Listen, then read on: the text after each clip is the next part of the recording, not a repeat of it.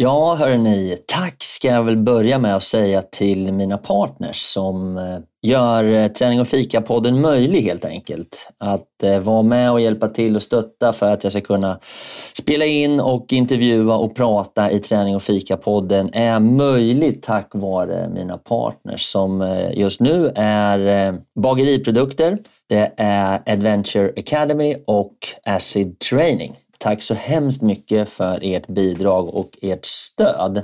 Sen kan man ju då som privatperson också gå in och stötta produktionen genom att eh, ge ett litet bidrag på till exempel Patreon. Det uppskattas väldigt mycket.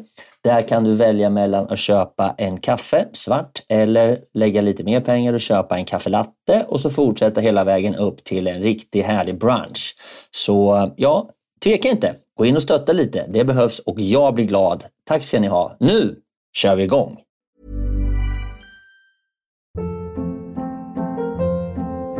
Hold up. What was that? Boring. No flavor. That was as bad as those leftovers you ate all week. Kiki Palmer here, and it's time to say hello to something fresh and guilt-free. Hello Fresh. Jazz up dinner with pecan-crusted chicken or garlic butter shrimp scampi. Now that's music to my mouth. Hello Fresh. Let's get this dinner party started. Discover all the delicious possibilities at HelloFresh.com.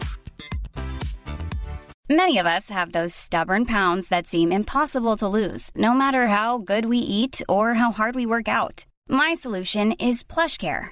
PlushCare is a leading telehealth provider with doctors who are there for you day and night to partner with you in your weight loss journey. They can prescribe FDA-approved weight loss medications like Wagovi and Zepbound for those who qualify. Plus, they accept most insurance plans. To get started, visit plushcare.com slash weight loss. That's plushcare.com slash weight loss. Quality sleep is essential. That's why the Sleep Number smart bed is designed for your ever-evolving sleep needs. Need a bed that's firmer or softer on either side? Helps you sleep at a comfortable temperature? Sleep Number smart beds let you individualize your comfort so you sleep better together. JD Power ranks Sleep Number number 1 in customer satisfaction with mattresses purchased in-store. And now, save 50% on the Sleep Number limited edition smart bed for a limited time. For JD Power 2023 award information, visit jdpower.com/awards. Only at a Sleep Number store or sleepnumber.com.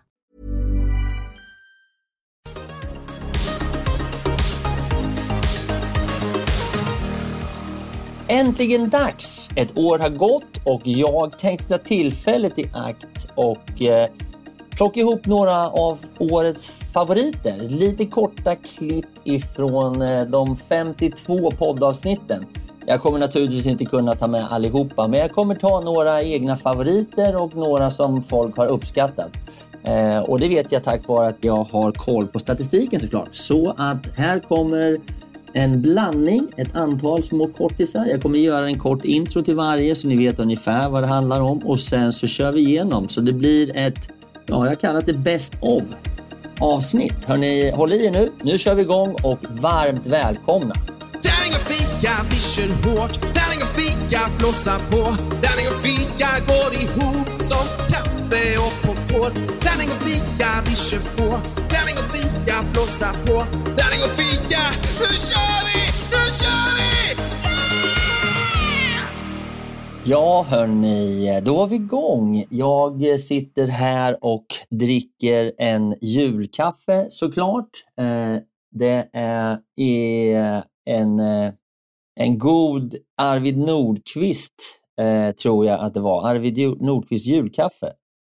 Tror jag att det var faktiskt. Jag kommer faktiskt inte ihåg. Jag kommer ihåg att det var julkaffe som vi haft nu och jul och nyår är över. Och eh, ja, man känner sig alltid lite stinn tycker jag efter jul och nyårshelgerna. Jag har försökt röra på mig och hålla igång men det blir väldigt mycket kaffe, det blir väldigt mycket fika och god mat. Men det hör väl liksom julen till på något sätt tycker jag. Så att eh, det får nog vara så. Jag har också faktiskt eh, under julhelgen tagit tillfället i akt och gjort ett sånt här hälsobesök på eh, Daniel Eks eh, nya Neko Health Body Scan eller vad det nu heter. Rätt spejsad upplevelse faktiskt. Man, man går in i någon litet rum där Och Det känns väldigt futuristiskt och sen är det en, en, man får ställa sig i kalsongerna och liksom bli fotograferad i en massa ja, specialmaskin som fotograferar alla och märker ut alla hudförändringar eller födelsemärken. Så det var ju rätt spännande. Jag hade 2100 eh, hud, hudförändringar eller sådana där. Och en av dem på, på vaden var faktiskt, de tog ett extra kort på för att kolla upp för säkerhets skull. Sen fick man då ta eh, eh, alla möjliga olika blodprover och man fick mäta hjärttryck och man fick prata med en doktor sen direkt efteråt, vilket var ett, det var ett, ett bra upplägg där man då fick gå igenom alla hälsomarkörer och titta på ja, vad man hade för tryck i ögonen, vad, hur de här olika, hur huden såg ut, hur kroppen och alla markörer såg ut och, och man fick då möjlighet att prata med, med henne eh, nästan en halvtimme om hur eh, statistiken såg ut. Det var faktiskt ganska intressant.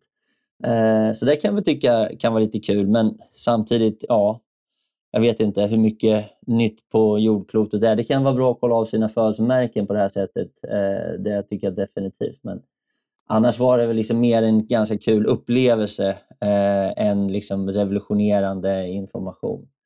Men eh, lite high-tech lite kul och eh, för att stilla liksom, eh, mitt, mitt, ego så ja, alla, alla resultat var godkända och jag mådde bra. Så det, men det, det visste jag kanske till viss del också, men det är alltid bra att testa sig och alltid bra att se hur, hur läkare och statistik och resultat eh, stämmer överens med den egna känslan om välmående. Så att, eh, ja, det var lite kul. Eh, sen har det blivit lite skidåkning såklart under julen och jag har gått och funderat på hur jag ska tillsammans med Patrik, min producent, försöka klippa ihop ett, eh, ett julavsnitt eller ett best of julavslutnings nyårsuppstartsavsnitt. Och Det här är faktiskt då dags för mig att kicka igång.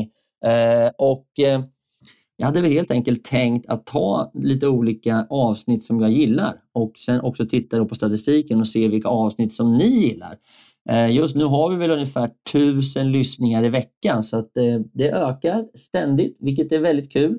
Jag är tacksam för att ni som lyssnar också delar vidare och berättar och pratar om det, för det är väl förmodligen ni som gör att den växer och att ni gillar det. Så det ska ni veta att det är väldigt eh, uppskattat av mig här. Så nu kommer jag dela med mig lite grann av smått och gott under året som gått. 52 avsnitt eh, har vi att välja mellan, men det kommer naturligtvis inte bli eh, allihopa, utan det blir några stycken. Så eh, jag tänkte att jag helt enkelt kommer nu sätta igång och överraskningen är då såklart vilket avsnitt kommer först. Det får ni reda på nu! Jag känner mig lite grann som Benjamin von Syscha som gör olika så här, presentationer av Disney-avsnitt. Men eh, ja, hörni, jag börjar i alla fall med avsnitt nummer 21. En svensk cowboy, äventyr på hästryggen ute i skogen. Där jag och Linda satte oss ner med Mårten Andersson och snackade lite grann med honom om hans liv som eh, deltidscowboy. Han eh, guidar människor upp i Norrland på hästryggen, ut på hästäventyr varvat med då att driva sin begravningsbyrå. Jag tycker det är en härlig kombination. Så här kommer ett första klipp med eh, Mårten Axelsson. Du, du, du känner till hästarna där uppe nu, eller hur? Ja. ja. Men då kan jag lägga in då en önskan. Jag skulle behöva en indian smygarhäst när jag kommer upp som är liten och tyst och smy, bra på att smyga i skogen. Det vill jag ha. Jag kan smyga runt lite. Ja, men all, all, alla smyger, du vet. De, de är ju inte skodda de här hästarna, vet du, så att de, de går barfota så att det är tyst och mjukt. Och Vadå skodda? Är de inte skodda? Har de inga sådana här... Nej. Äh... Hästskor? Nej. Nej, Nej, de går barfota. Ja, du ser. Hur, hur är sadlarna förresten? Ja, men det är sådana balla västensadlar. Så man sitter bra, eller? Man sitter jättebra. Jo, man sitter faktiskt bra och eh, sitter man bara rätt då får man inga skavsår heller. Så att... Ja, men alltså jag som då är från Stockholm och tycker så här, vart har man sin kaffelatte och vart finns det hållare i sadeln för sånt? Eller hur, gör, hur funkar det? Liksom? Fredrik har ju sagt det, cityslicker. Uppe där, kaffelatte, nej, det är kokkaffe.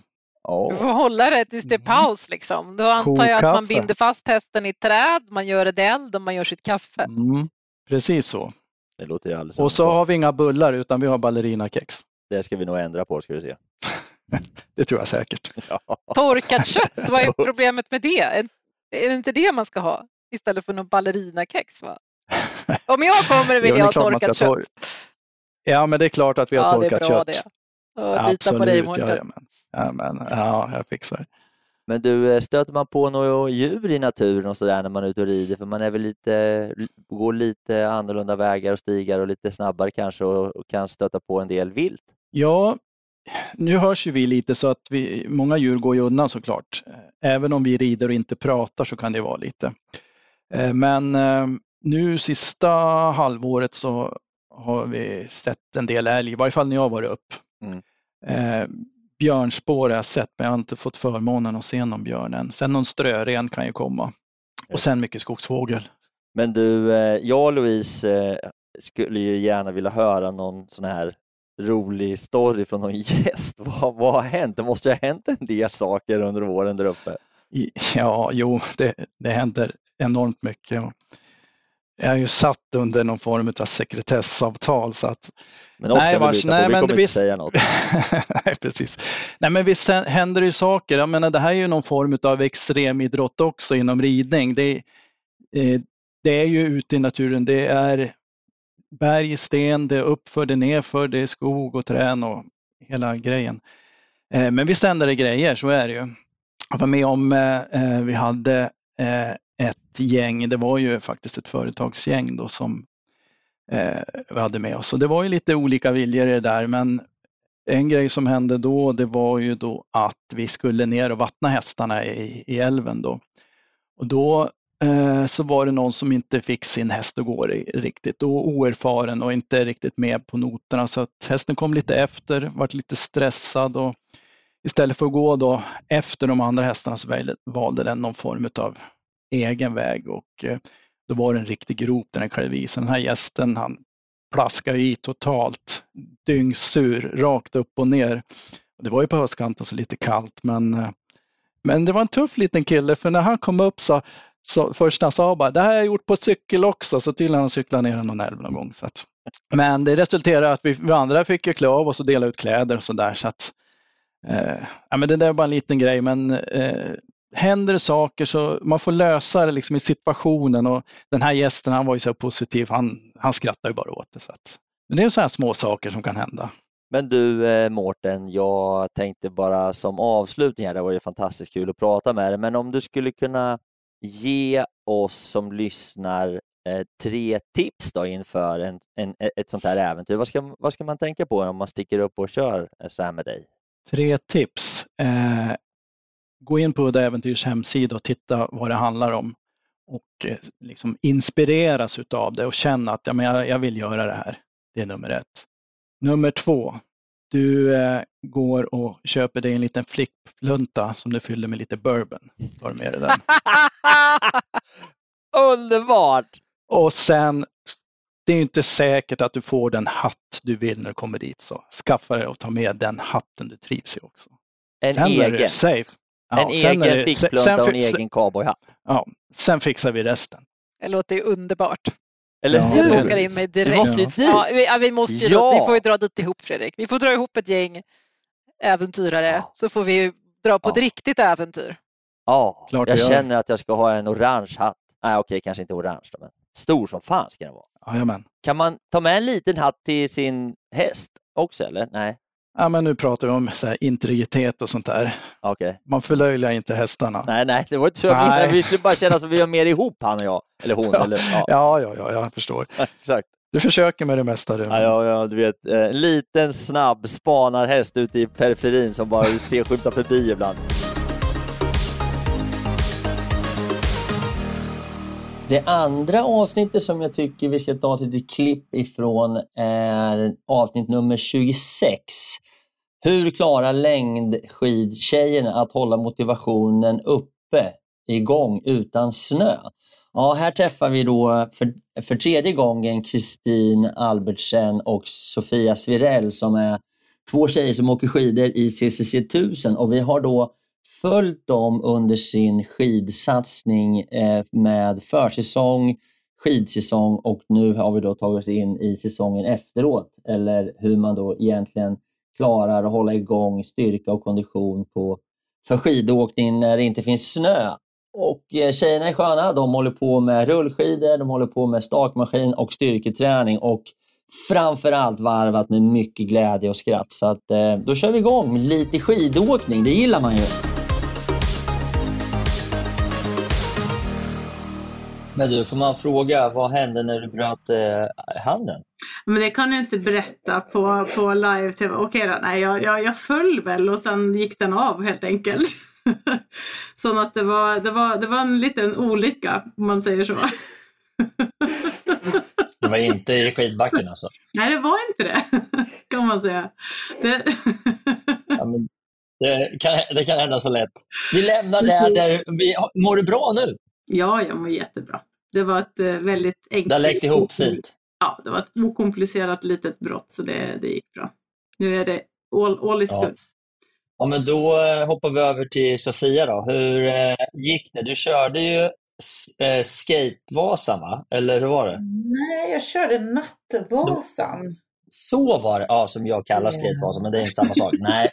Och sen åkte ni till ett jättefint hotell. Ja, det gjorde vi. Ja. Ja, det var, var det som du hade tänkt då? Ja, det var en fantastisk upplevelse till att börja med sjukt coolt eh, känsla att eh, stå på startlinjen på kvällen i mörkret. Det var månsken, det var planeter man kunde se och det var väldigt bra väderförhållanden med medvind. Och eh, supercool ljusshow och allting i början. Så de första två milen flög jag framåt från eh, Sälen och upp på myrarna och eh, jag var på sjukt bra humör tills problemen började. när det var sex Nej. mil kvar kanske. Sen var det en lite tyngre resa in i mål, men jag lyckades i alla fall. Berätta, vad hände? Ja, vad hände inte? Först var det liksom en jäkla massa bös i spåret och jag som gillar att köra i spåren tyckte det var lite jobbigt. Det var kottar och det var eh, lavar och det var stenar och det var kvistar för att det blåste så mycket. Eh, så spåren var ja. obrukbara och eh, så var det väldigt mycket snö som hade blåst bort så det blev väldigt isigt. Och när jag åkte där så tänkte jag faktiskt på dig Fredrik. För jag tror att du hade Aha. tyckt att det var skitkul att åka där. Eh, speciellt i, när det var isigt i nedförsbackarna. Men jag uppskattade inte det riktigt lika mycket. Jag brukar aldrig vara rädd för att åka ner för jag tycker att jag är bra på balans. Men när det var isigt och så var det helt mörkt, då blev det liksom lite läskigt tyckte jag. Så att eh, jag hade det lite mentalt tufft eh, faktiskt. Men jag kom i mål. Men du åkte med din man? Mm, jag åkte med min man och eh, några andra eh, skumma danskar som vi var väldigt nära i spåret och de tyckte att jag lät jättekonstigt när jag åkte nerför. För jag skrek ut min, mina känslor i backarna. Eh, men det var, det var bra. Det var bra terapi. Men det, det, är liksom, det är hantering av rädslan som, som kommer ut. Jag är faktiskt mest eh, imponerad och tycker det är helt fantastiskt att ni gjorde det som par och kom ut eh, som goda vänner och par. Det tycker jag är cred till er. Alltså. Det är fantastiskt bra jobbat. Mm. Men du skrek i varje nedförsbacke alltså?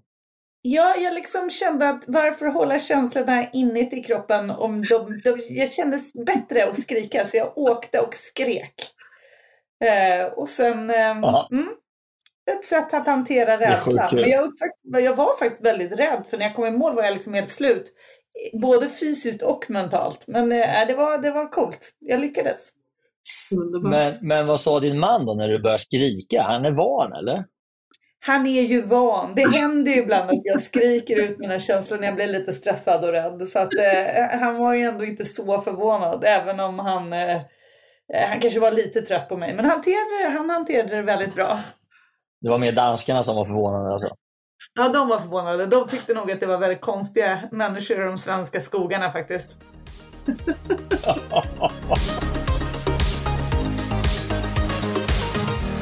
ja, då hoppar vi in till eh, avsnitt nummer 40. Jag eh, måste bara ta lite kaffe. Vad vore livet utan kaffe, hör ni? Eh, det är så att eh, avsnitt nummer 40 var med Julia Andersson. Det hette Den starka viljan och lusten att leva och utvecklas. Alltså det här var ju ett avsnitt där man nästan tappade andan. Vilken tjej! Hon delar med sig av sitt liv, sina problem, sina sjukdomar, sina skador och de tar liksom aldrig slut. Men ändå så kämpar och krigar hon och har ett fantastiskt humör och inspirerar och sprider så jävla mycket glädje. Så att det är väldigt kul att få eh, återkomma lite kort till, till Julia och hennes liv. Så eh, ja, håll i er, sätt er ner och eh, njut av en urkraft som har ett riktigt fighting face. Jag älskar den här tjejen. Men sen när jag vaknar upp så är jag förlamad från eh, under bröstet och ner. Har tappat all rörelseförmåga och all känsel. Eh, och då när man ser det här så tror man att det beror på epiduralbedövningen som kan ge tillfälligt eh, de symptomen. Så man tar bort den och tänker att det är lugnt. Och sen så kommer jag ihåg när jag ligger på uppvaket att det kom in en läkare på morgonen och är skitarg och undrar liksom varför de inte har ringt på läkaren under natten. Eftersom att det inte har blivit bättre utan jag är fortfarande helt förlamad under bröstet och ner. Eh, så man skickar in mig på röntgen och röntgar eh, ryggraden och då hittar man att jag har fått en inkomplett ryggmärgsskada på ja, precis vid bröstnivå kan man säga. Och vad betyder det? Ja, men en inkomplett ryggmärgsskada betyder ju att har den komplett då är ryggraden helt av. Då har du liksom ingen funktion. Det kommer aldrig komma tillbaka. En inkomplett innebär att det kan finnas vissa funktioner kvar i nervtrådarna. En del kan ha dött, en del funkar, en del funkar annorlunda. Så man vet inte alltid 100 procent liksom hur det här då eh, kommer att te sig. Eh, så det är väl det det betyder. Och en, det är ju liksom trådar i ryggraden från, från hjärnan ner i ryggraden till alla typer av funktioner i kroppen eh, på det sättet. Och då sa de att det var efter mycket om och men att det kommer vara ungefär 50% chans att du kommer kunna gå igen. Eh, och jag då frågade var du 17. Inte, vad sa du? Då var du 17. Då var jag 17. Eh, och vid det tillfället så glömde jag ju liksom bort att det egentligen var en tumör jag var inne för. Eh, för då var det så mycket fokus på liksom gångfunktionen och jag frågade egentligen kanske inte när jag skulle kunna gå igen utan jag frågade när kan jag spela innebandy igen?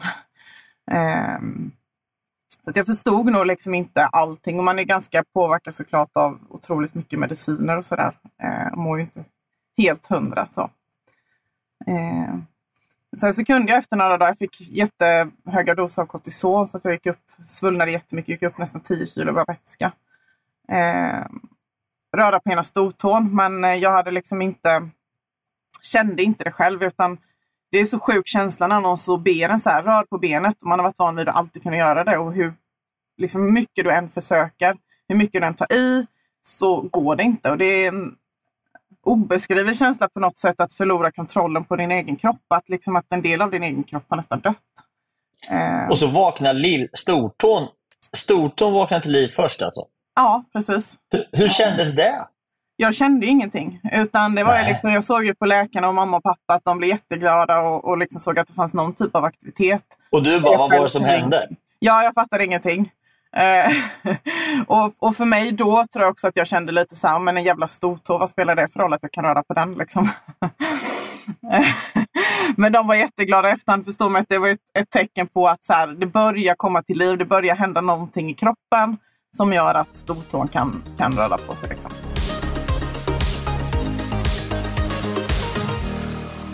Som ni kanske vet eller kommer ihåg så var jag ute på ett ganska stort sommaräventyr. Jag tog rullskidorna från Smygehuk i Sverige och åkte rullskidor hela vägen i 31 dagar ner till Barcelona.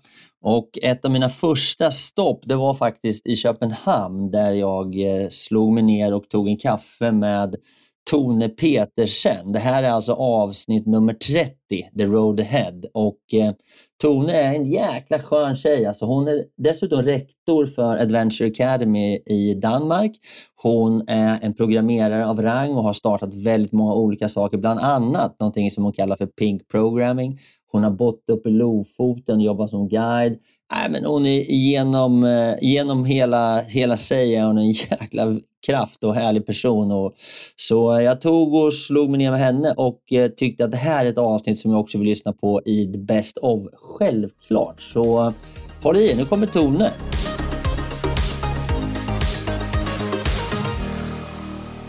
Vart läste du matte någonstans? I Lund. Det var många komplexa grejer där, men det var just den här programmeringsgrejen som tog så lång tid för mig att eh, eh, förstå att, att liksom, jag hade all potential. Och det, det var det som var min drivkraft. Medan Vanja och Vibeke som jag startade med hade mer som att eh, eh de ville inspirera fler till att hitta glädjen i programmeringen som de såg. Så det, jag jämförde väldigt mycket med, eh, med den här äh, utmaningsdelen också faktiskt. För det var en slags en, en, rädsla som jag vägrade att den skulle liksom guida mig i livet. Så fort den här rädslan kom, okej, okay, men äh, har jag lust till det här? Ja, men det har jag faktiskt. Och då liksom göra det ändå. Och det var det som jag ville visa dem. Eh, det var det som jag ville inspirera till. Att liksom följa sin lust och inte sin rädsla. Um, inom då, programmering? Inom, inom programmering. Yrkes... Alltså, ja, men exakt. Ja. Om du är nyfiken på det här, låt den tekniska eh, nyfikenheten få styra dig istället för en rädsla att du inte passar in eller att du kommer fejla eller någonting sånt. Um, så vad går du ja. på då? Vad gör vad, Nej, men man så är... har vi så programmeringsläger. Um, vart vi kombinerar, liksom, också för att locka andra som inte är um, stereotypiska profiler. Utan då, kanske, då har vi kombinerat med skidåkning. Vi har varit många år i Åre. Eh, så då åker man upp en, en helg och åker skidor? Och... Ja, onsdag till söndag. Ja. Så på förmiddagen så har vi haft, eh, så har vi haft längdskidor. Så har vi en skidinstruktör som får lära sig åka skate och lite så här, prova på olika skidstilar. Eh, och sen på eftermiddagen så är det programmering. Så då blir det också, ah, men jag tycker det är faktiskt kul med längdskidor till exempel. Och då kan du vet, och sen kan jag prova på programmering. Då blir det inte så läskigt. Nej. Om de hade aldrig åkt på ett programmeringsläger, ett rent programmeringsläger. Det har jag aldrig heller gjort. Nej, men precis. Men om det hade varit längdskidor så kanske du hade åkt. Och kanske. kanske. Jag är inte så bra men, på programmering. Men, alla, nej, men det är det som är grejen. men om det finns en nyfikenhet som är liten, ja. men som inte, mm, som inte riktigt... Om man har lite um, tvivel på sig själv, då kan den biten hjälpa. Den hade hjälpt mig i alla fall.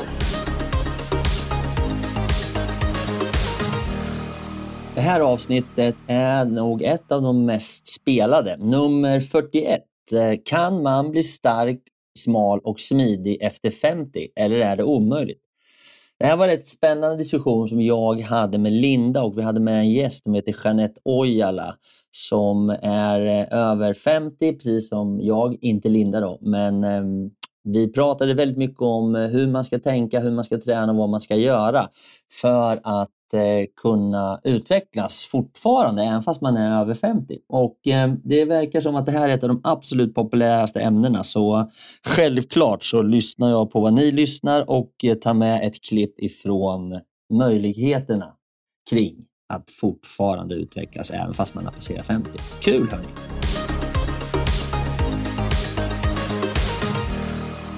Men då tänkte jag ställa frågan till er två. Det här med klimakteriet som ni var inne, eller ni har, vi har pratat om, vi har berört lite grann. Då undrar jag, hur, hur, är, hur påverkas man träningsmässigt av eh, klimakteriet? Och liksom, är det bra eller dåligt eller känns det bättre eller sämre? Eller, ja, jag kan ju inte det här, så jag tänkte helt enkelt bara hoppa ur diskussionen för mitt bidrag är noll här. Mm. Vill du börja Linda? Ja, jag kan börja. Jag kan, det här kan jag prata ja. mycket som helst om. Eftersom att jag, ja, samma här. jag, jag, jag, jag tänkte börja du. Jag är där just eh, nu, här och nu. Eh, men så är det ju, alltså hur det än är, hur mycket man än har bestämt innan, eller jag, jag ska prata i jag-form för det är jag, att inte lägga fokus på det här. Eh, att eh, det här är, jag tror att Eh, eh, det går att, att liksom träna bort det här eller på massa olika sätt. Tänker jag inte på det här så finns det inte. Men ändå så sitter man där och har alla de här eh, symptomen så, som gör att kroppen blir annorlunda. det handlar inte bara om, alltså svettningar är ju liksom den, det, min, det, det, det samhället pratar mycket om att man är i klimakteriet och svettas man, men det är det minsta problemet skulle jag säga. Eh, speciellt om man tränar mycket så, så är man van att svettas ändå kanske. Men, men eh, just det som händer i kroppen, man blir trött, man går, det är som att gå i sirap, man får ont på ställen man kanske inte haft förut, man orkar inte på samma sätt i, i perioder, i alla fall för mig då. Så det är klart att det påverkar, men sen så Däremellan så tycker jag att jag är lika stark som vanligt. Men ibland, så, alltså i, i perioder, så påverkar träning. Om jag nu svarade på din fråga. Där. Ja. Vad säger du Janet? Ja, jag kan ju hålla med dig Linda i mångt och mycket. Ehm, det finns ju många olika saker som, som händer i kroppen som du inte kan styra över. Det är väl den känslan som är den jobbiga, att det känns lite som att något kommer och tar över din mm. kropp din kropps funktion, din kropps förmåga. Man kan inte värja sig mot det. Det bara liksom kommer över dig. En dag så är du bara mitt i detta. Eh, svettningar och vallningar har vi pratat om och de, eh, de kommer bara. Mm. Du kan sitta på ett eh, möte och du kan känna hur det liksom fullkomligt bara pärlar sig på hela kroppen och det är inte så trevligt. Du känner dig alltid ofräsch. Sen som du sa, man är van att svettas mycket när man tränar och man tror kanske att nej men det här drabbar inte mig för jag tränar så mycket. Det har jag hört att det är bra, men det har ingen betydelse. Men jag tror absolut att träning är bra. Och av erfarenhet så vet jag att det är bra. För du håller dig liksom på banan. Sen svarar inte kroppen på träningen på samma sätt. För du är stelare, du är lite tröttare, du är lite segare. Man kan känna sig nedstämd ibland man kan känna att det här är ingen mening med att eh, jag gör det, för det händer ändå liksom inte någonting i min kropp. Men alternativet att inte träna finns inte. Jag tror absolut att man ska träna på och svettas på.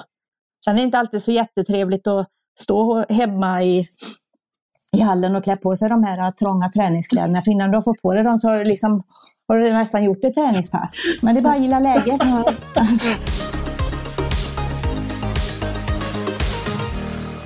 Årets kvinnliga äventyrare. Ja, avsnitt nummer 46 heter Emma vandrade genom Afrika själv. Det här avsnittet intervjuar jag och pratar med en fett cool tjej som är brandman och äventyrare och ja, bara helt galen och stenhård. Så eh, vi får hänga med henne genom Afrika helt enkelt. Det är typ 650 mil eh, på tvärsen från öst till väst genom Afrika med väldigt mycket strapatser. Så här kommer ett kort klipp ifrån det. Okej, okay, du körde själv bästa dräng. Ja. Mm. Och då kom du fram till att du var så nära döden så du skiter i om du dör egentligen, eller? Nej. Det här är lite svårt för mig att förstå. Mm. Nej, men jag kommer till den biten. Men i alla fall.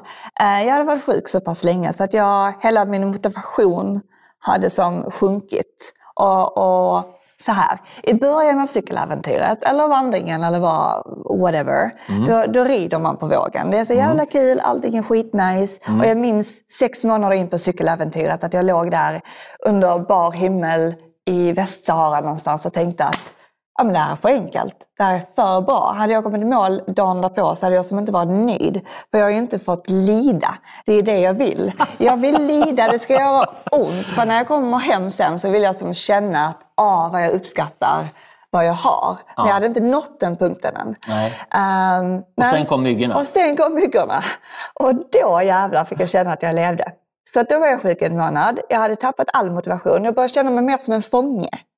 Eh, det var, jag cyklade inte längre av fri vilja utan jag cyklade för att jag, jag hade gett fan på att jag skulle ta mig hela vägen till Kapstaden. Mm.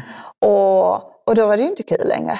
Så, men i alla fall, första dagen efter att jag hade varit sjuk så länge så började jag cykla och jag bara kände att nej men det känns ju inte bra. Jag hade inget leende på läpparna, allt kändes bara jättetungt. Så den natten när jag slog upp tältet någonstans i djungeln där så, eh, så bara brast det för mig och tårarna kom. Och jag hade ju inte gråtit överhuvudtaget på den resan för jag behövde vara stark. Man, mm. kan, man kan inte ta in känslor, det är bara att slå bort allting. Men då, då bölade jag hulkande som ett barn och insåg att nej, det är okej att ge upp.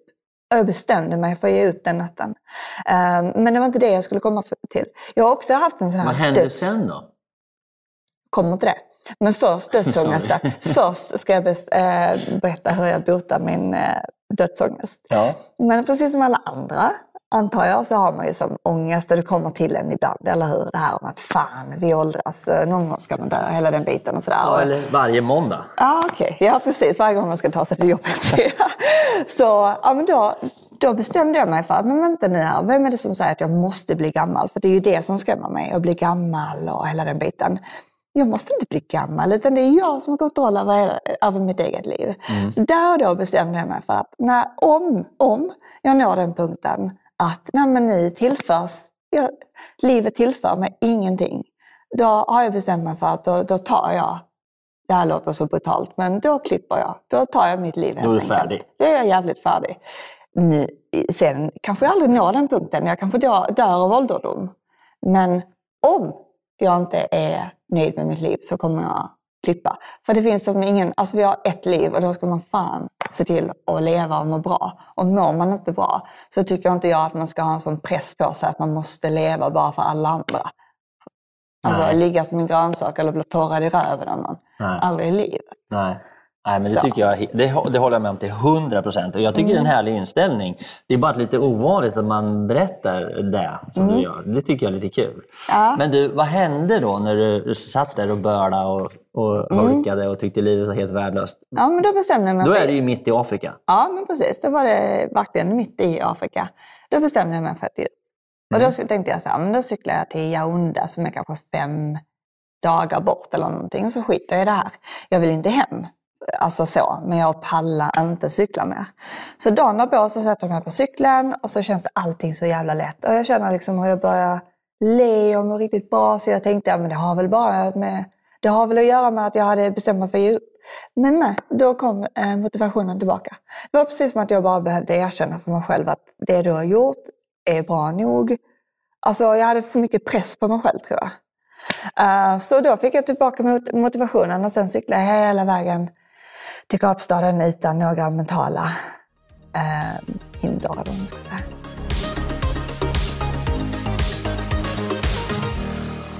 Ja, och som brukligt är så tar vi alltid damerna först. Eh, Men nu hoppar vi från årets kvinnliga äventyrare till årets manliga äventyrare. Och eh, årets manliga äventyrare heter Björn Sunesson och han är, alltså lyssna på det här, han är 75 bast och eh, har då sprungit genom USA massa gånger och eh, blev utsedd till årets svenska manliga äventyrare vid de fantastiska 75 åren. Och han springer på som en galning. Han ska springa genom USA igen berättar han och han har hur mycket knäppa stories som helst. Och det här spelades in live också på eh, en Adventure Academy-genomgång. Så gjorde det ännu mer roligt och spännande. Så att eh, ja, nu kör vi lite löpning helt enkelt. Jag, jag gjorde en löpsatsning och sprang Amsterdam Marathon på 3.30. Då hade jag som mål då hade jag som mål att kunna köra 10 timmar löpning en vecka. Är du med? Ja. Det är ungefär 10 mil, ungefär, Ja. beroende på att jag springer långsammare. Men, och den veckan, jag, jag klarade en vecka. Ja. En vecka gjorde jag det. Och då var jag helt färdig. Nu menar jag på att du har snittat 10 mil i 40 år. Ja. Det är så stört att höra så jag blir helt knäckt. Du är ju galen. Ja. Men och det som eh, är...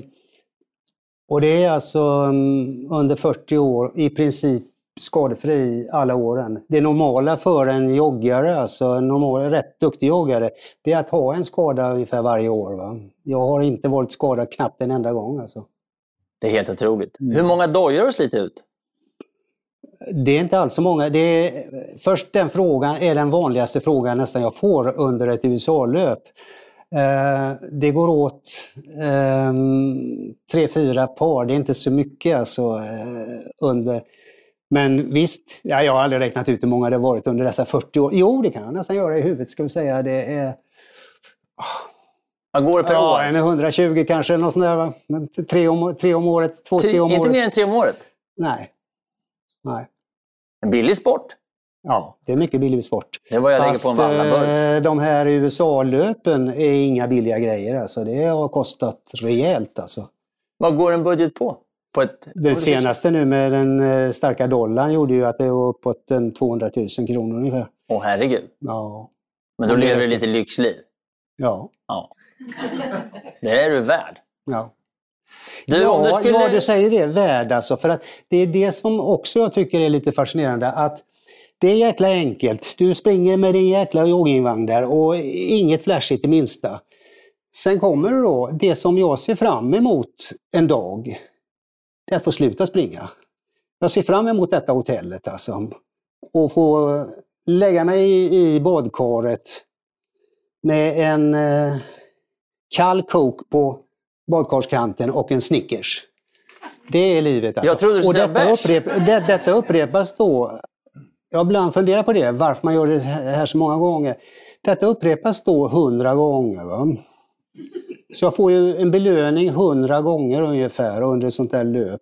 Och det är ungefär, om man skulle beskriva det ungefär för eh, de flesta då som, som eh, springer ett maratonlopp eller en tävling. Va? De tycker inte att det är särskilt roligt kanske under själva loppet. Men när de kommer i mål så är de väldigt nöjda. Oavsett tid eller hur det har gått. Va? Och Det bygger ju på det- att någon det ska vara där och ta emot den, som det inte hände för mig. Då, men Jo. ja, du hade inte Eh. heller någon som tog emot det. Så, Men det är helt otroligt, hörru du.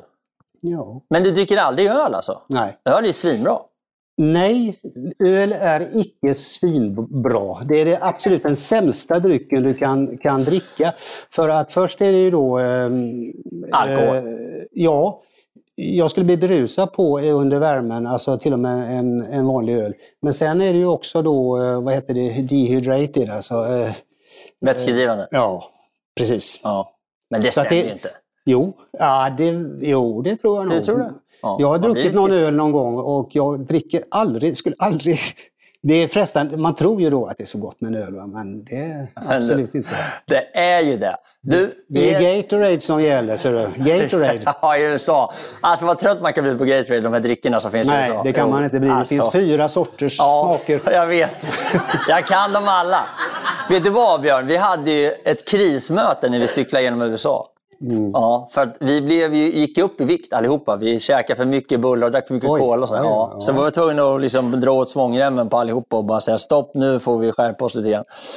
Hörru du, eh, du har alltså ett planerat, kanske då, göra ett nionde löp genom Ja, det var väl att ta i att det är planerat, men lite i bakhuvudet finns det. alltid. Ja, eh, det, det gör det ju. Men om du fick välja, det är USA du väljer att springa. Ja, det är det faktiskt. Varför då? Det är, det, du ställde frågan förut också, men det är just människorna alltså. Att, eh, hur du blir bemött. Det är, folk sticker till en dollarsedlar. All, de gör allt för att det ska gå bra för mig. Alltså. Och jag tror att det är lite är också det deras dåliga samvete. För att Amerika är en nation där liksom på hälsoområdet går det utför. Alltså, det är ju, eh, folk blir allt tjockare. Och då ser de mig då, tror, jag tror det är lite så, att de ser mig som någon slags, ja det, herregud en gammal gubbe, 75 år, då kanske det finns hopp för mig också va? Jag tror att det kan vara så. Så att det är väldigt bra bemötande man får alltså. Ja. Det är härligt. Ja, det är verkligen härligt. Det är verkligen härligt. Och jag kan väl säga det då att under dessa åtta löp, det handlar ju då om 800 dagar, jag har nog aldrig träffat någon som har sagt ett taskigt ord.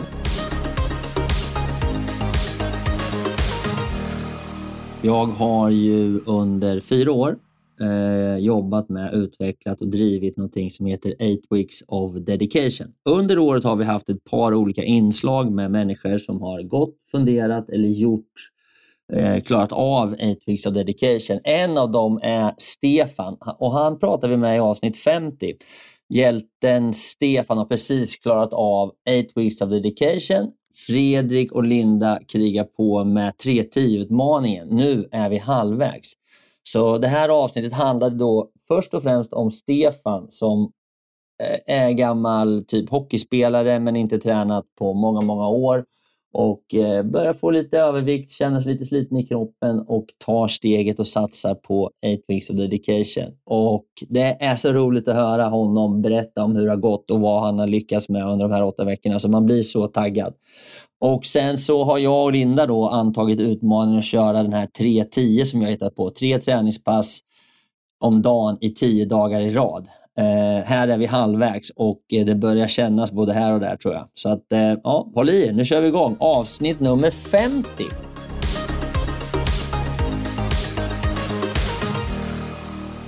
Eh, kan man, får man vara så fräck och ställa några sådana här kontrollfrågor gällande, ja, men till exempel då det som många undrar, undrar är liksom, för det första kanske hur gammal du är, Stefan? Det får man absolut fråga och jag eh, fyller 57 i november. Mm. Och du hade en ingångsvikt som var?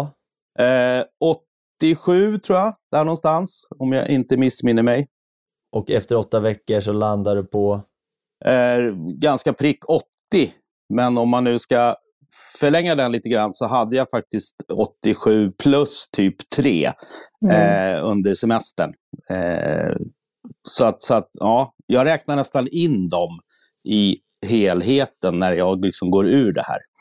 Mm. Tävlingsmänniskan okay. satte ju igång innan vi började. Lite grann. Ja. Så, så, så var, innan vi skulle vägas in. Ja. Så, att, eh, så var det ju. Mm. Så ungefär 10 kilo kan man säga då kanske? Mm. Eller? Ja, yes. Ja. Det märks. Ja, det förstår jag. Det är att ta, det är ta tio mjölkpaket, fem i varje hand, så det är såklart det är jobbigt att släpa runt på. Mm. Men om man tar lite styrkemässigt då, Stefan. Eh, det finns ju en del mätpunkter som vi har tittat på, eller som vi brukar titta på i 8V. Hur har det, förutom själva trappen som har försvunnit? Jo, men om man, om man börjar från, från scratch så är ju jag absolut ingen... Jag har ju aldrig någonsin varit i ett gym. Eh, ja, det är klart att man kanske har tittat in någon gång, men man har ju inte liksom arbetat där eller jobbat med kroppen överhuvudtaget. Så allt, om man man börjar där, 57 år, bollkille, eh, som sätter sin fot mer eller mindre första gången på ett gym, så blir man ju rädd. Eh, jag, tyckte, nej men jag tyckte att det var svårt. Eh, jag tyckte vissa övningar eh, kände jag mig som att, jaha, ska jag vara en akrobat för att göra de här? Eh, det var på riktigt. Eh, ja. och, och, hela den resan också mentalt eh, var ju nästan en resa i sig. Att liksom övervinna de här eh, svårigheterna och se att man faktiskt klarar det. Eh, att det går. Så att det har ju varit en enorm utväxling. Vad menar du då? Liksom, om man utifrån mitt perspektiv så är det inte så där, det är inte så mycket akrobatiska övningar utan om du förklarar lite grann vad, liksom, hur, hur det kändes när du började. Ta någon övning som du kände, den här var svår och sen hur, hur, Ja, men det, det är ju ganska enkla grejer om man börjar med någonting som säkert de allra, allra, alla förstår så är det ju armhävningar och det är lättare sagt än gjort. Eh, till exempel att göra dem på ett korrekt sätt på tå. Eh, det, där kände man med sig, eller jag kände mig lite, nästan lite dum. Möjligen för att man är man, eh, lite macho och det här är väl ingenting och så vidare. Men ett typexempel är ju Russian Twist som snurrade lite eh, på sociala medier. Och det var ju på riktigt, jag ramlade ihop. Eh, och där kände jag att det här med koordinationen, att göra fler saker i ett moment eh, och få den att ja, kännas rätt, eh, det var ju en utmaning. Men de, de fick man ju till sen också. Men då ska mm. vi berätta för dem som kanske inte vet vad, vad du menar för övning och, och vad det är man gör. Alltså det handlar om att sitta på rumpan på golvet och det du inte klarade av var att sitta på golvet och lyfta på fötterna. Stämmer. Alltså hålla upp benen och sitta på mm. rumpan på golvet. Det mm. kunde inte du. Så, och när du då fick en, eh, några, ett par kilo i vikt i handen och, skulle, och böjde det, la den lite på sidan, då ramlade du som ett korthus ner. Yes. Ja. Så, så Sjukt svår övning faktiskt, men det är Jätte... väldigt rolig. Kan vi inte lägga ut den här i våran träning och fika-bio ja, också? För det, här är eller... faktiskt en av de roligare upplevelserna vi har haft i 8V genom tiderna. Men mycket, ja. mycket, du hade ju sjukt tunga vikter och sen var det här golvet lite snett och skevt. Det, så det var ju förklaringen, Stefan, eller hur? Ja, det, ja såklart. Ja. Ja.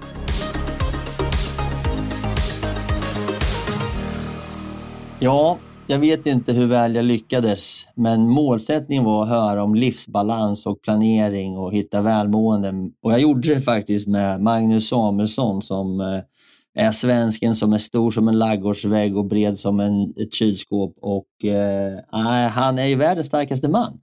Och det var jäkligt kul att prata lite grann med honom. Han berättade allt ifrån hur han bröt armen av en medtävlare till hur han då käkade för att kunna träna och bli så stor och stark som han har blivit. Mycket funderingar kring det efteråt kan jag säga, men också spännande att lyssna på. Så självklart ska vi ha med ett klipp ifrån eh, våran svenska stolthet, vikingen Magnus Samuelsson.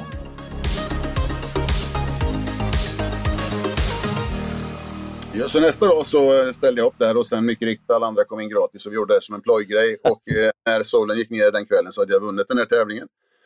Och sen så åkte vi hem tänkte inte så mycket mer på det. Och sen eh, gick det någon vecka så ringer det en tjej från London och frågar eh, om jag vill åka till Bahamas och tävla där. För då hade de varit och tittat på den här tävlingen. Och på den tiden så vägde jag kanske 120 kilo och var en liksom, ma magrutare och en ganska slim, vältränad lantbrukare egentligen. Inte, ja. inte specialtränad på någonting, men visst, jag var hyfsat råstark, gjorde en bra bit över 200 i bänk för att vara så smal och liksom, så var jag hyfsat stark. Men, men hade inga som helst ambitioner egentligen att komma någon vart med träning. Utan det var en, en avkoppling som jag hade. Eh, du, hur, lång, hur lång är du Magnus? Två meter är Du är två meter och vägde 120 då när du var 25? Ja, då är, du, då är du ganska smal om man ska vara ärlig som två meters man. Ja, det är inte så att, man, eh, som att du står i, i vägen i dörren direkt. Nej, nej, men sen, sen när vi väl kom ner, ner till Bahamas där jag och Kristin är, så så insåg vi ganska snart, och det visste jag nog innan, att det här, det här, det här har de gjort fel. Eh, för ser du någon som väger under 135 kilo på en sån här tävling så är det någons coach. Det är så, så det, stora killar? Ja, mellan, mellan 135 och 200, där någonstans brukar de väga. Vad så, väger du som mest? Jag väl 150-55 oftast jävlar. Några år i början där så låg jag kring 140. För det som händer är att det går ganska bra första gången. Jag vinner första övningen och sen andra övningen var den där övningen som dyker upp på Youtube ibland. För då hade de lagt in armbrytning, för jag var gammal Europamästare i armbrytning. Så de hade väl lagt in en övning så jag inte skulle skämma ut mig. Och då bröt jag av armen på den största killen där. Nej. Så, ja, Kände du det? Ja, det var inte så svårt. Han svimmade och ramlade ner på andra sidan bordet. Så det, var inte, det, det, det syntes ganska tydligt. Så, så, Men vänta, vänta, vänta, det här är helt stört. Så du kommer upp glad i hågen mot en annan jättekille? Nej, alltså i ärlighetens namn så, så jag var inte jättekillen där. Jag, jag var tvärminst. men du var en liten skit då, om man säger så. Mm. Den här killen jag bröt av armen på, jag vet inte om ni har sett, det finns en gammal film med Brad Pitt som heter Troja. Där kommer det ut en jätte från en armé som slåss i början och det liksom, de ska slåss man mot man, eh, representera varsin armé.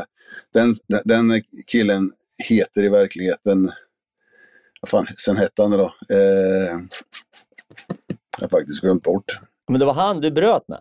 Ja.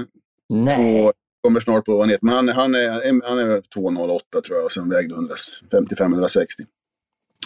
Så, det, så, bröt jag, så jag bröt av armen på honom och det har varit ett väldigt ståhej efter det där. Och efter det så visste Men, vänta, vänta. Ja, det här är lite kul tycker jag. Så han kommer dit och 208 och tycker att du är liten då, eller? Känner du honom? Ja, jag ser ut som Alltså jag, jag ser verk, ut som något, något, ett barn bredvid honom. Det är, det är en jätteman.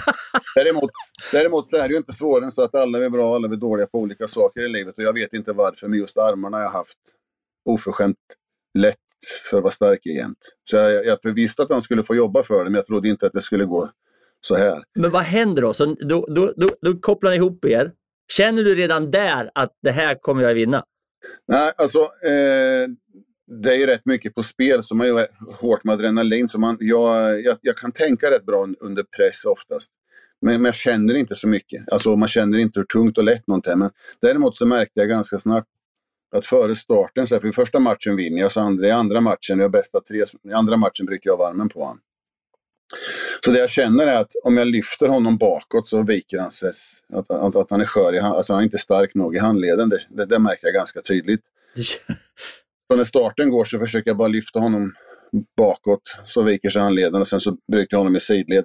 Och sen så när jag börjar skjut, skjuta på i sida så, ja, så, så går armen av. Snäppar det då eller vad händer liksom? Ja, du bryter ju av här uppe. Det blir som en torsionsstav. Alltså, det är uppe vid armbågen eller? Ja, mitt, mitt, mitt under bicep om man säger. Skrek han då eller? Nej, han bara sjönk ihop på andra sidan. Det, eh, ja, han, han försvann ner på andra sidan bordet och sen så tappade vi lite konceptet några sekunder och sen så... så det, och det där var absolut inte någonting som var med mening och det var... Det var det, det var det liksom. Grejer händer ibland.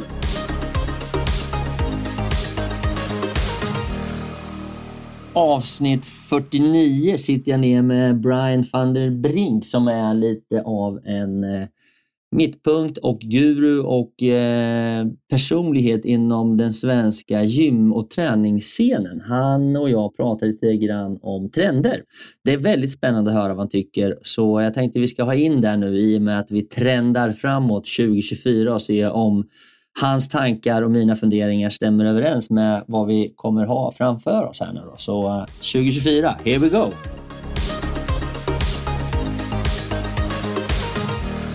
Ja men du, eh, då tänkte jag också ställa frågan gällande en trend som jag själv gillar väldigt mycket men som jag inte har trän eller testat på det här sättet. Det är det här med träningsresor. Mm. Och eh, jag vet ju att både de stora researrangörerna eh, jobbar mycket med det och eh, åka iväg och träna, resa, träna med familjen eller själv och, och, åka på olika läger. Och jag vet ju Brian att du har varit iväg med Apollo på deras, mm. eh, vad, vad det nu heter? Plaitas. Plaitas ja. Fuerteventura. Ja, men om vi, vi börjar lite mer rakt in i din, din reseupplevelse. Berätta om Plaitas och din...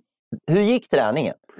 Nej men det, exakt, jag ska, jag ska göra ett reportage eller en artikel om träningsresor för att det, den, den trenden är väldigt stark sedan flera år tillbaka. Även innan pandemin så blev det såklart ett brott under pandemin när man inte kunde resa hur man ville. Men, men vad jag har sett, och det är framförallt de stora researrangörerna Ving och Apollo som har släppt mycket rapporter kring hur liksom, bokningarna går på just träningsresor. Och det, det verkar liksom bara raketfart uppåt. Ja. Eh, och Apollo säger själva att det är det affärsområdet som växer starkast.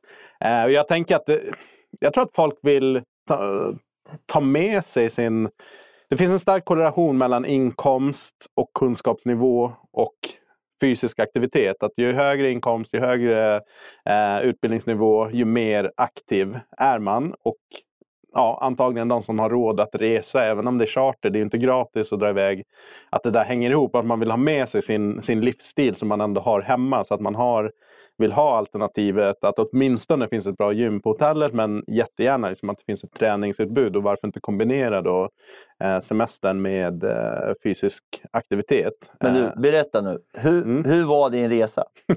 Resan var bra. Det var... Vad gjorde du då? Berätta, ja, men, jag vill höra allt. Nej, men jag var ju där egentligen som journalist kan man ju säga. Så att jag var mycket där för att observera och liksom försöka ta in allting. Observera vilka människor som åker och hur de beter sig, hur jag beter mig och sådär. Så att, um... Men var du där själv eller med familjen? Nej, jag var där själv. Uh, så det var en grej uh, på Playitas, att det var väldigt många barnfamiljer som åkte. Så att hela familjen. Uh, och det fanns aktiviteter för kanske inte för de yngsta, men har barn från 10-11 och uppåt så fanns det ganska mycket liksom, aktiviteter. Sen är det ju bra pool och hela den grejen så att även mindre barn kunde göra. Så där var jag förvånad att det var, som jag trodde att det bara skulle vara alltså ensamåkande eller par eller kompisgäng, träningskompisgäng som, som var iväg. Men det, det kan man slå bort direkt. Det funkar för familjen? Alltså. Det funkar jättebra för familjen. Eh, så där har de prickat rätt. Folk tränade otroligt mycket. Det gjorde inte jag för jag var kom precis in i semestern så att jag körde kanske ett pass per dag. Vilket om man då tar genomsnittet på hur mycket eller lite svensken tränar så är det mycket. Men det var många som körde tre, fyra pass per dag. Skojar du? Eh, ja, ja, ja. Så att de skulle ju maxa. Och det fattar jag man har bokat en träningsresa. Så de körde hela ja, dagarna? Hela dagarna.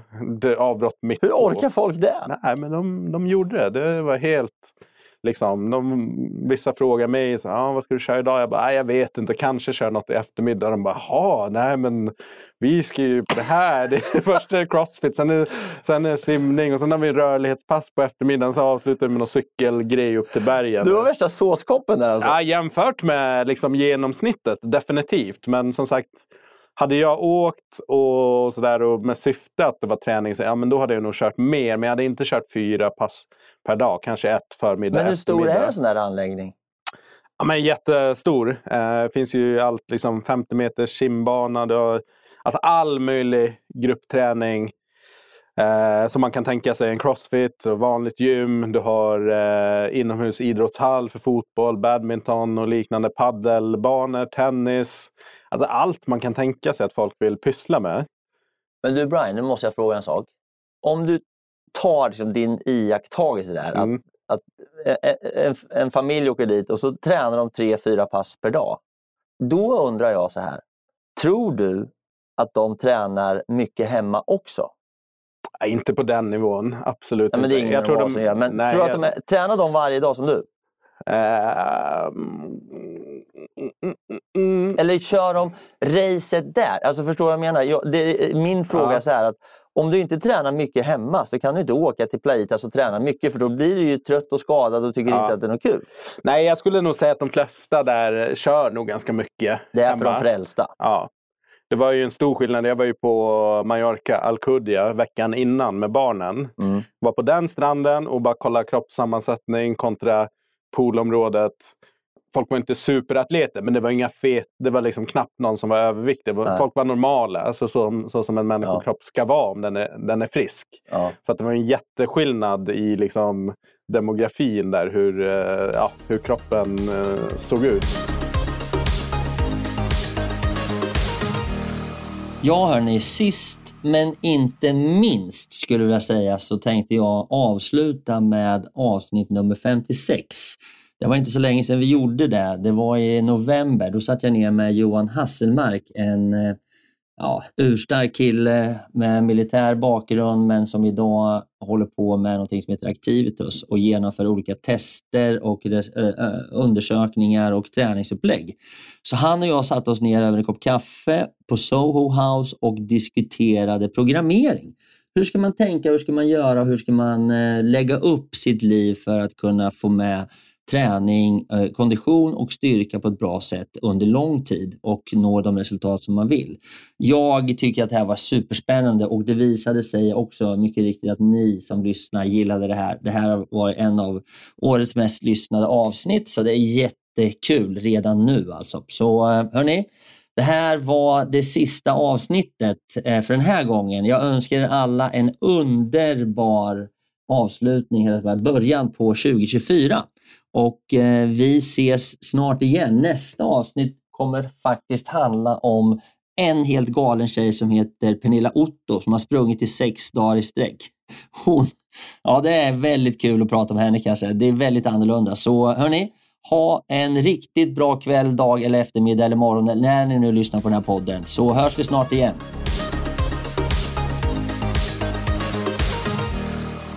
För väldigt många ehm, är ju inte ens medvetna om hur bedrövligt dålig kondition de har. Liksom. Alltså, är inte, man går inte till och ställer sig på en våg. Liksom. Nej, det gör man inte Nej, riktigt. utan Alltså- man, man kör som man kräks. Ja, eller våra tester är ju... Ja, Tuff, ja, jo, men det, alltså, Det- jo, ja, absolut.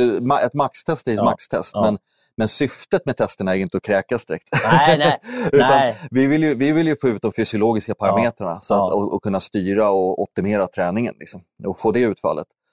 Eh, eller att bara hjälpa folk med hälsa, viktnedgång och komma in i träning. Eh, Men du, du är ju inte bara, liksom, du driver det här företaget och det går jättebra, ni är superduktiga och det är astrevligt att vara där och jag tycker att alla borde egentligen besöka er och göra de här olika testerna för att se liksom, vart man ligger och hur man kan utvecklas och få, få med sig träningsplaner och allt sånt där som ni levererar. Men det är också så att du är ju coach också själv. Och det, var så, det här har inte jag berättat för dig, men det var så jävla roligt för att en, en av mina jag driver CCC 1000 som är skidåkningen och så var det en tjej som var med där, och nu kommer jag säkert komma på vem jag pratar om, men jag ska inte säga något namn. Och hon var med i CCC 1000 och skulle bli skidåkare. Ja, och så körde vi liksom träningarna. Och så rätt ofta så sa hon så här, nej men idag kan jag inte göra det här för, för min tränare och min, han säger att jag ska göra det här. Och då var det så här ganska avancerade grejer. Så här, du vet, jag ska upp i den här nivån och köra här. Liksom, och det här var kanske för 10-12 år sedan när jag började med Sista tusen, så jag var inte riktigt så här, van vid att någon skulle liksom komma med massa fysiologiska argument för att vi inte skulle köra ett långpass. Liksom, förstår du? Ja, ja. Så jag bara, vad fan liksom. Och hon höll på där och pratade om, då, som jag förstod så småningom, att det var dig hon pratade om som var så här, här är schemat, här är Excel-arket, la la la. Jag bara, vem fan är det? Ja, det är ju Johan. Jag bara, men då Johan? Och liksom, kanske efter ett halvår. Mm. Jag var rätt trött på den här jävla coachen som alltid förstörde hennes... som alltid förstörde dina, ja, dina så, träningar. Jag var så jävla sur. Jag bara, vem är det? Så insåg jag att det var du. Jag bara, Johan, det kunde jag ge mig fan på. Hon bara, ja.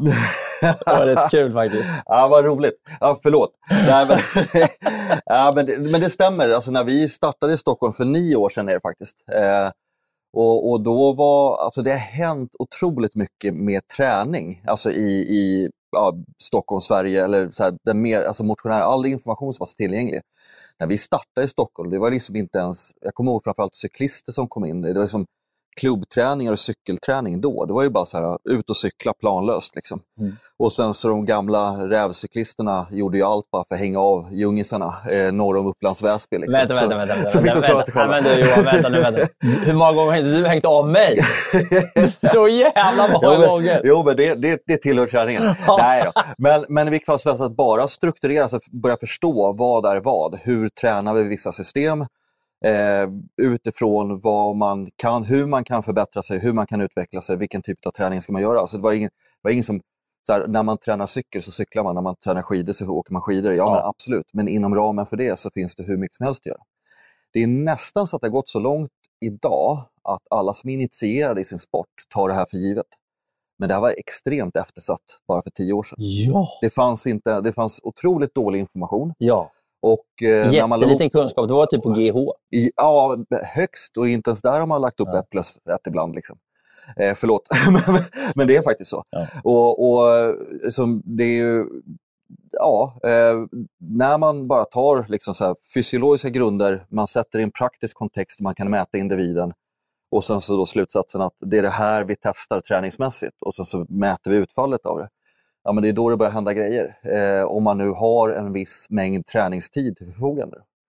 Och det är ju hela, det är hela idén. Mm. Jag kommer ihåg när du var med i CC1000 och härjade runt med oss där och vi liksom tyckte eh, liksom hela, alltså när, när ni började komma igång, och det kanske var för sju, åtta år sedan, och så där, då kommer jag ihåg, om, jag, jag, tror att du sa det ungefär så här, just, jag tänkte på när du började prata om tid, så här, att eh, och, och, om man har som motionär och ska åka Vasaloppet. Jag tror du satte det i den kontexten. Mm. Du ska åka ett nio milslopp som är långt och så säger du då som motionär, lite satsande motionär, att du har fyra timmar träning på en vecka. Mm. Och då, och då så, så satt ju alla då så här, i, i, i CC1000 och så här, att tyckte så här, ja men ja, då blir det väl fyra pass på en timme då. Och du bara, nej, fan vänta nu. Så här. Och, då, och då vände du upp och ner på hela tankesättet. Och sa, då sa du, ungefär så sa du så här. Då tar ni, eh, då tar ni och så kör ni högintensivt i en timme och delar upp det på tre tillfällen. 20 minuter varje gång kör ni järnet och sen så tar ni tre timmar och sticker ut och kör det på söndag långt som fan och lugnt. Ja, om man skulle ha ett svar av dem. Av ja. dem liksom, det, men, eh. och då satt vi så här, va? Ingen fattar någonting. Men du, nu orkar jag inte ja. prata om träning längre. Nu måste vi prata om kaffe. Det är ändå träning och fika-podden. Vad tycker du om kaffet här på Soho House? Ja, men det, det, var, det var bra. Men nu måste jag få ställa, säga en fråga då Johan. Du som ändå är så här, både träningskille och hyfsat vältränad och i form och, och så här, bryr dig. Hur kan du ha mjölk i kaffet? Jag har alltid haft mjölk i kaffet. Ja, men det är inte svar. nu, nu får du tillbaka kakan. Men det är bättre än att dricka te i alla fall. Säg inte det i England, då, då får du stryk. Ja, det var lite kul att se det. Jag har liksom tagit bort mjölken för att jag tyckte inte jag fick någon smak på kaffet. Eller jag tyckte liksom när man häller i mjölk så blir smaken ganska lik på de flesta kaffena. Ja, eh, det beror på vilken typ av kaffe. Bryggkaffe har oftast mjölk i, för jag tycker att det förstärker bryggkaffets smak. Men däremot har jag svårt med mjölk i eh, kaffe mer mot espressohållet. Där är det oftast att man har för mycket mjölk i. Men, men du, om du tänker tillbaka när du låg i, i militärtjänsten och var i Afghanistan och sådana ställen. Mm. Va, hur dricker man kaffe där? Man kan väl inte ha mjölk i kaffet då?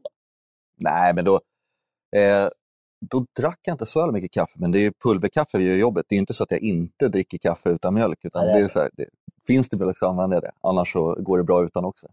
Och nu är kaffedrickarnivåerna på att jag behöver bara kaffe för att överleva dagen. Liksom. Ja. Så jag tar vad som finns. Ja, det, det, det. Kan man få det insprutat? ja, jag tar allt.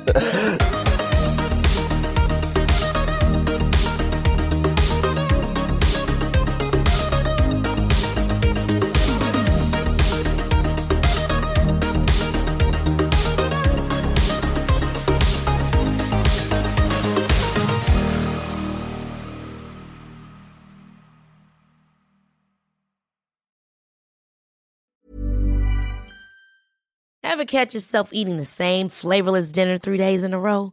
Dreaming of something better? Well, HelloFresh is your guilt-free dream come true, baby. It's me, Gigi Palmer. Let's wake up those taste buds with hot, juicy pecan-crusted chicken or garlic butter shrimp scampi. Mm. Hello Fresh. Stop dreaming of all the delicious possibilities and dig in at HelloFresh.com. Let's get this dinner party started.